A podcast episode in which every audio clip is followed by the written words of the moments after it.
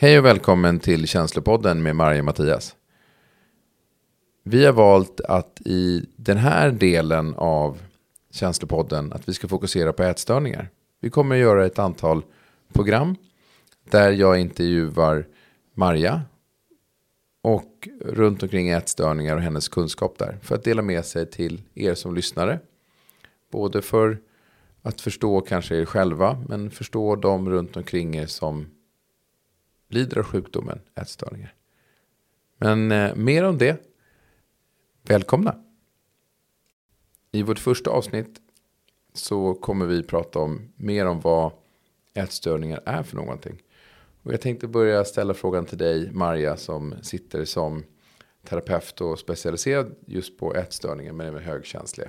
Mm. Du kommer berätta mer om det. Eh, men vad är en ätstörning? Vilka typer finns det? Eh, och vad, vad är typiskt för de här olika mm. varianterna? Mm. Det var det flera frågor här. Men det finns ju olika typer. Vi har ju eh, de vi ser ute på gatan som är väldigt, väldigt smala. Anorexia nervosa. Eh, de flesta som är ätstörda så syns det ju inte på. De är ofta normalviktiga. Sen har vi ju bulimi nervosa som är att vi hetsäter och kräks. Eh, sen har vi hetsätning och där vi, ser vi ofta de som blir överviktiga helt enkelt. Hetsätningar utan kräkningar. Utan det är liksom ren känslodämpning. Eh, så det är väl de tre vanligaste. Sen finns det massa andra typer av liksom, ätstörningar som jag tänker, vi går inte in på dem här. Utan det finns massa avarter som ser ut på olika sätt beroende på liksom grundproblematik man har. Um, Och det är de här du oftast möter i din, ja. din roll som terapeut. Mm. Vad är ja. typiska för de här? Mm. Anorexia eh, handlar om att du vill ha kontroll. Eh, det är där du har liksom, du svälter dig själv, du kanske använder laxermedel, du eh, bestraffar dig själv väldigt mycket. Det ingår också ofta mycket tvång. Ehm, och jag vill också verkligen beskriva grunden. Vi ser ju liksom bara sjukdomen som någonting som är förfärligt och plågsamt och ja, men väldigt sjukt. Men den som är sjuk, den har ju hittat en lösning på sitt problem. Och det tror jag är väldigt viktigt att belysa här. För sitter du med en massa känslor som du inte har någon aning om hur du ska hantera och kanske ångest och panikångestattacker och väldigt mycket självhat och ja, men smärta som har tagit över ditt liv. Då har du ju hittat en lösning. Du har hittat ett sätt att hantera allt det här som är svårt på. Vad skulle det kunna vara för vi andra som ska ja, förstå? Jag tänker att man måste, jag som sitter som terapeut får ju också fråga vad det här löser för personen. Så att man inte bara ser det som att det är det är ju en, en jättekraftig sjukdom, men att också bli medveten om vad är det det här faktiskt löser för personen. Den får en paus från sin ångest. Den får en paus från sin smärta, sitt självhat. Den har hittat, som jag tänker för människor som tar heroin eller vad som helst annat, det är ju inte maten i sig som är beroendeframkallande och även inte droger är inte heller beroendeframkallande utan det är beroende på var vi befinner oss. Som att vi använder de här sakerna för att dämpa vår egen smärta. Så att man pratar om någon till exempel som tar heroin. Det den får ut av det, det är ju att den får känna kärlek och känna sig som att man får en stor varm kram. Den känner sig lugn, den känner sig tillfreds. All ångest försvinner. Och det är ju samma sak egentligen med ätstörningar. Vi, när vi väl lyckas och har svält oss själv till en viss nivå, då får vi ju ett lugn. Det är det där vi längtar efter i livet som vi egentligen jobbar för. Att acceptera oss själva, att känna ett lugn, att ångesten försvinner, att vi har lyckats. Det här är det kanske det enda vi lyckas med i livet. Låt oss komma tillbaka till lite mer om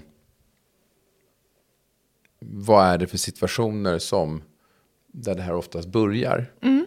Men vi börjar titta på liksom, eh, hur påverkar samhället ideal och normer om kroppsuppfattningar och självkänsla? För det är den här andra sidan. Mm. Om du tittar nu, det du nämnde nu, vad är, vad är det för någonting? Var kommer det ifrån? Mm. Men ofta som ju också påverkar om hur omvärlden ser det. Mm. Kan du berätta lite där? Mm, absolut. Jag ska bara eh, hoppa tillbaka till den innan där. Och så vad, vad kommer det ifrån? Det kommer alltid från någon typ av trauma. Det vi inte har klarat att integrera i oss själva. Det kommer nästan alltid från vår uppväxt. Alltså vi växer upp med föräldrar som inte klarar att ta emot sig själva känslomässigt. Så att, vad är det ett barn lär sig då i relation till sina föräldrar när den har känslor? Det är att jag är för mycket. Jag är jobbig. Mina känslor är i vägen. Och du vill inte vara till besvär mm. för dem du älskar mest i världen, dina föräldrar. Så då börjar du också begränsa dig känslomässigt. Kanske mm. stänga av, stänga in, hitta andra vägar mm. och ta. Så att här är det också jätteviktigt och det tycker jag liksom vi ska vara noggranna med. För att jag vill också nå ut till föräldrar med det här. Att som förälder så har du ett otroligt ansvar att så här, lyssna in och fånga upp ditt barn känslomässigt. Det är viktigt. Vi kan gå tillbaka till det du... Nej, men det ska vi göra. Jag tänkte på, om, vi fortsätter på den här linjen, så eh, om, om det har då varit, jag har haft ett trauma mm. i min familj som, som, som startar den här känslan. Och jag kan inte uttrycka de känslorna som jag fick från det här traumat. För att mm. jag kan inte göra det hemma för att eh, jag är för mycket, jag stör. Eh, det finns inte utrymme för det här, de har inte tid. Mm. Eh, mina föräldrar har så mycket att göra ändå. Mm. Så då väljer jag att inte göra någonting.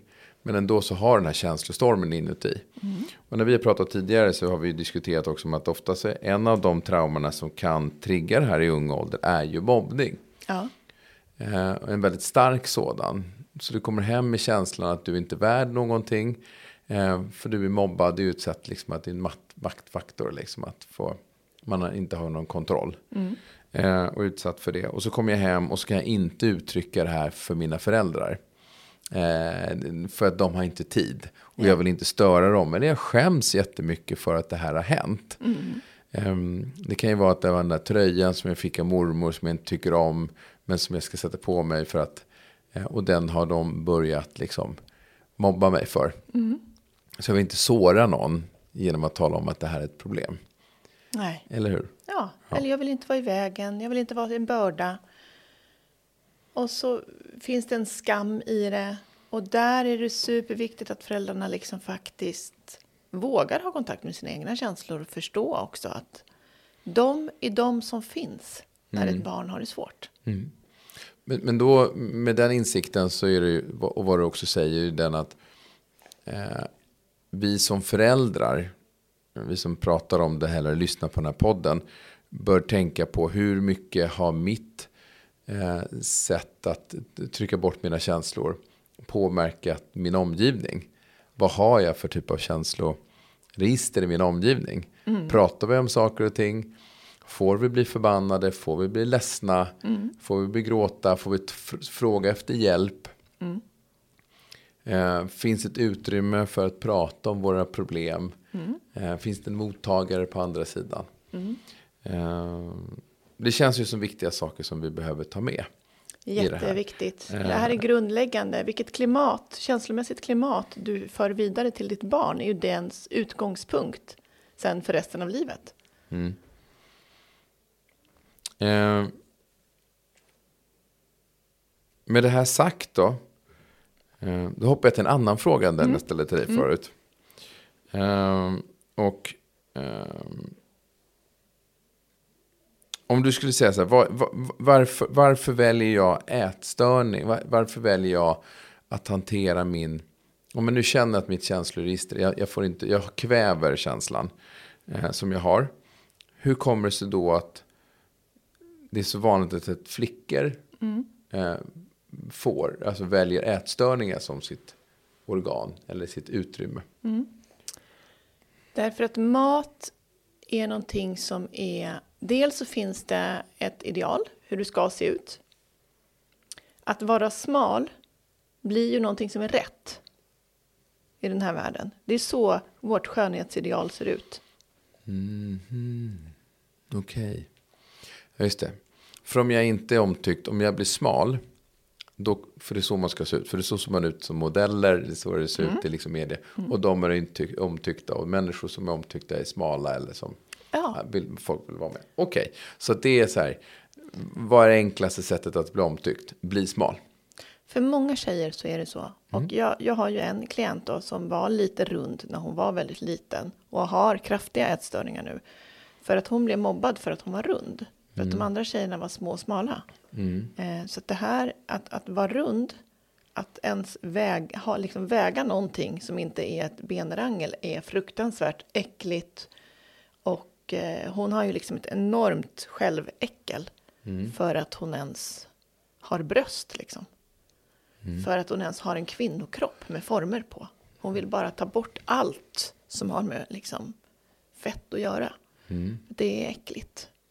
För att hon vill bort från den där känslan när hon var liten av att hon kunde inte liksom, hon hade ju inte känslomässigt koll på vad som var fel på henne. Utan hon förstod bara att någonting var fruktansvärt fel med henne. Så fel att, att folk tyckte att hon var konstig. Och det blev oerhört smärtsamt.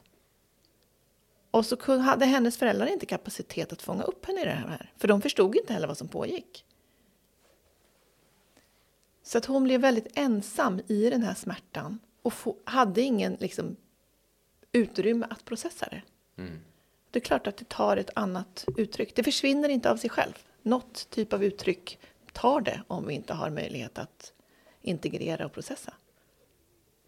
Så här blir det som du var inne, vi var inne lite på, det, så det är samhällets ideal som skapar eh, Just popkulturen och alltihopa, som, idén om hur vi ska vara för att vara rätt. Det är det som skapar funktionen. Så, ja, men okej, Titta på alla ut. Mm. filmstjärnor, titta på alla artister, titta på alla de lyckade människorna. Mm. Hur ser de ut? Glada, solbrända, Väldigt fina smala. kläder. Tycker- Ja. Titta på deras kroppar, titta på hur de Mm, hemskt. Mm. framställs. Det är klart att det ligger en jättestark idealbild i det. Så egentligen så är det att om jag uppfyller idealbilden, där triggas det. Så kommer allting att lösa sig. För de har inte mer kunskap. Nej, det här är ju känslomässigt. Mm. Ja, du försöker ju lösa någonting som... Så att du kan känna dig lite bättre. Inte lika misslyckad. Mm. Så att ditt självhat inte blir lika kraftigt. När du möter de här, vi utgår idag lite, vi säger flickor eller kvinnor. Det finns också män som jag vet att du har som Mm, ungefär 20 procent är män. Men vi så utgår från, ja, vi kan säga hen också. När, när hen kommer till en terapisession, då börjar vi så här. Vad, jag vet att det inte alltid är eh, de själva som kommer hit av egen vilja. Nej, Men om vi utgår från de som inte kommer hit av egen vilja först då. Hur kommer de hit? då är det, Vad är hoppet? Varför, liksom, varför sätter de sig i den här stolen och vem har skickat dem? då är det ofta yngre tjejer. Vad Ofta. pratar vi om?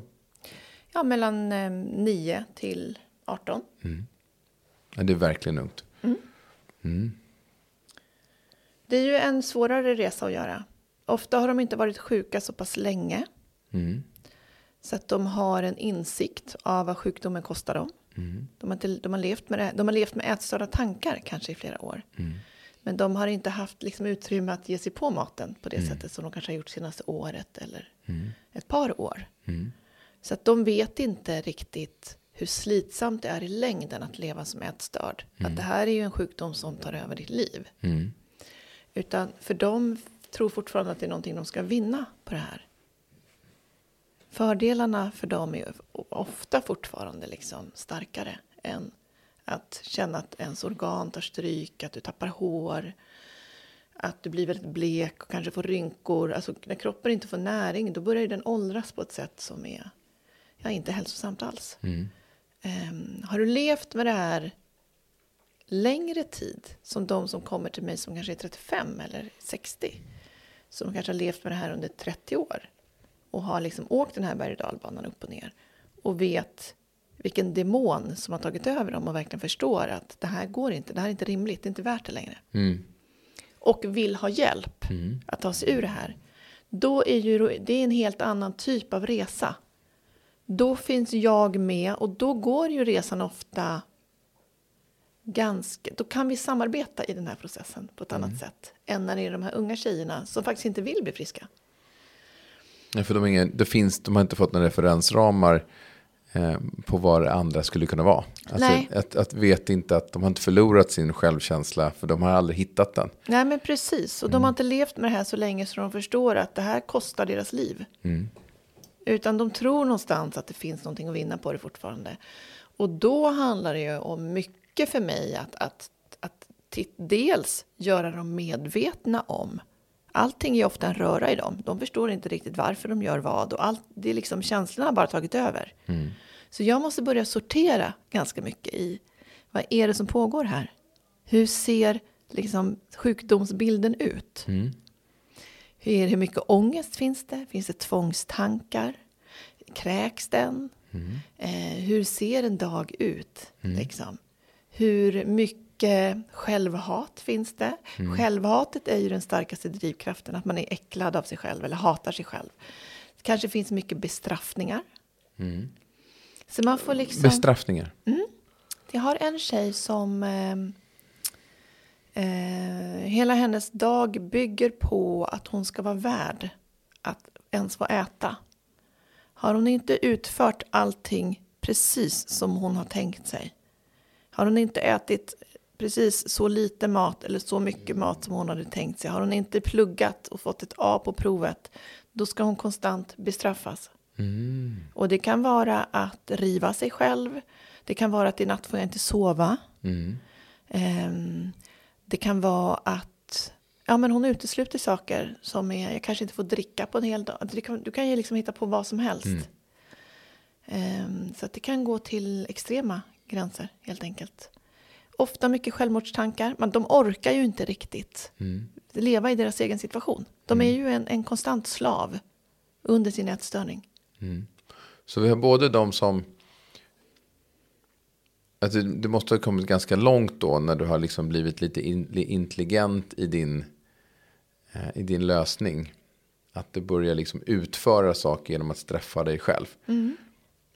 Eh, alltså då har du kommit ganska långt in i sjukdomen. För du har levt den, i den ett tag. Ja. Och sett att den ger resultat. Och nu vill du bidra till att du får det resultatet som du hade eh, liksom tänkt dig. För bestraffar du dig själv för någonting du inte tycker att du har gjort okej, då får du en liten stunds lugn. Det är det det handlar om. Då Säg du det en gång till. Bestraffar du dig själv för någonting du inte tycker att du har utfört, då släpper ångesten för en liten, liten stund. Så du får andas några andetag. För att du ska bestraffa dig själv. Ja. Inte för att du har lyckats uppnå det du ville utan tvärtom. Liksom. Så Okej. allting handlar om att hitta ett ställe där du kan acceptera dig själv en liten stund. Jag är ju dålig. Bevisligen så är jag inte så bra. Alltså, och och i det finns det någon typ av nöje. Ehm, jag tänker att vi, vi um, avslutar där, tar en liten paus. Eh, utifrån det du har sagt hittills, vad skulle du vilja summera ihop? Eh, jag skulle vilja summera ihop att det här är en extremt, en av de svåraste sjukdomarna vi har att handskas med. Jag skulle vilja summera ihop att lyssnar du på det här och märker att du har, jag menar du kan, det finns många tjejer som går med ätstörda tankar. Som inte kanske ens går till att utvecklas till en, en kraftig ätstörning. Ge ett exempel.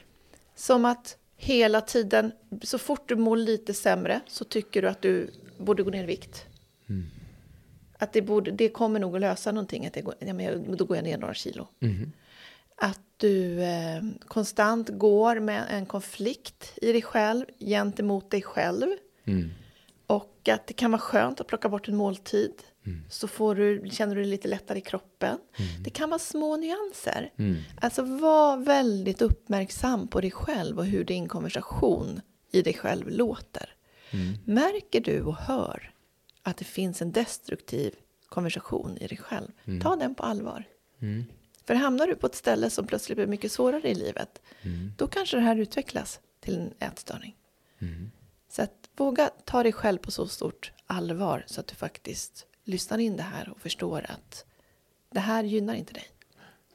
När, när du säger det här, min reflektion är ju den att det du säger nu är det som jag har hört stort sett alla kvinnor framför allt som jag har runt omkring mig som jag bryr mig riktigt mycket om. Har uttryckt just det du sa nu som en tanke. Och att förstå att kanske, jag kan säga att män gör väl det också. Men jag tror att det uttrycks på det här sättet känner jag igen. Och det är hemskt att man går omkring och känner. Eller att jag nu vet om att det är så många som går omkring med den här tanken. Och att det här kan vara grunden till ett sjukdomstillstånd. Som gör att du kan dö. Jag skulle nog säga att det är... Jag har inte träffat många kvinnor som inte har liksom på någon, något plan varit nära ätstörda tankar. Nej. Men jag tror att vi män inte fattar det. Nej. Eh, och det är väl det jag vill understryka, liksom, så här, kunskapen. Ja. Eh, vi tar en liten paus. Yes. Vi är strax tillbaka. Tack för oss.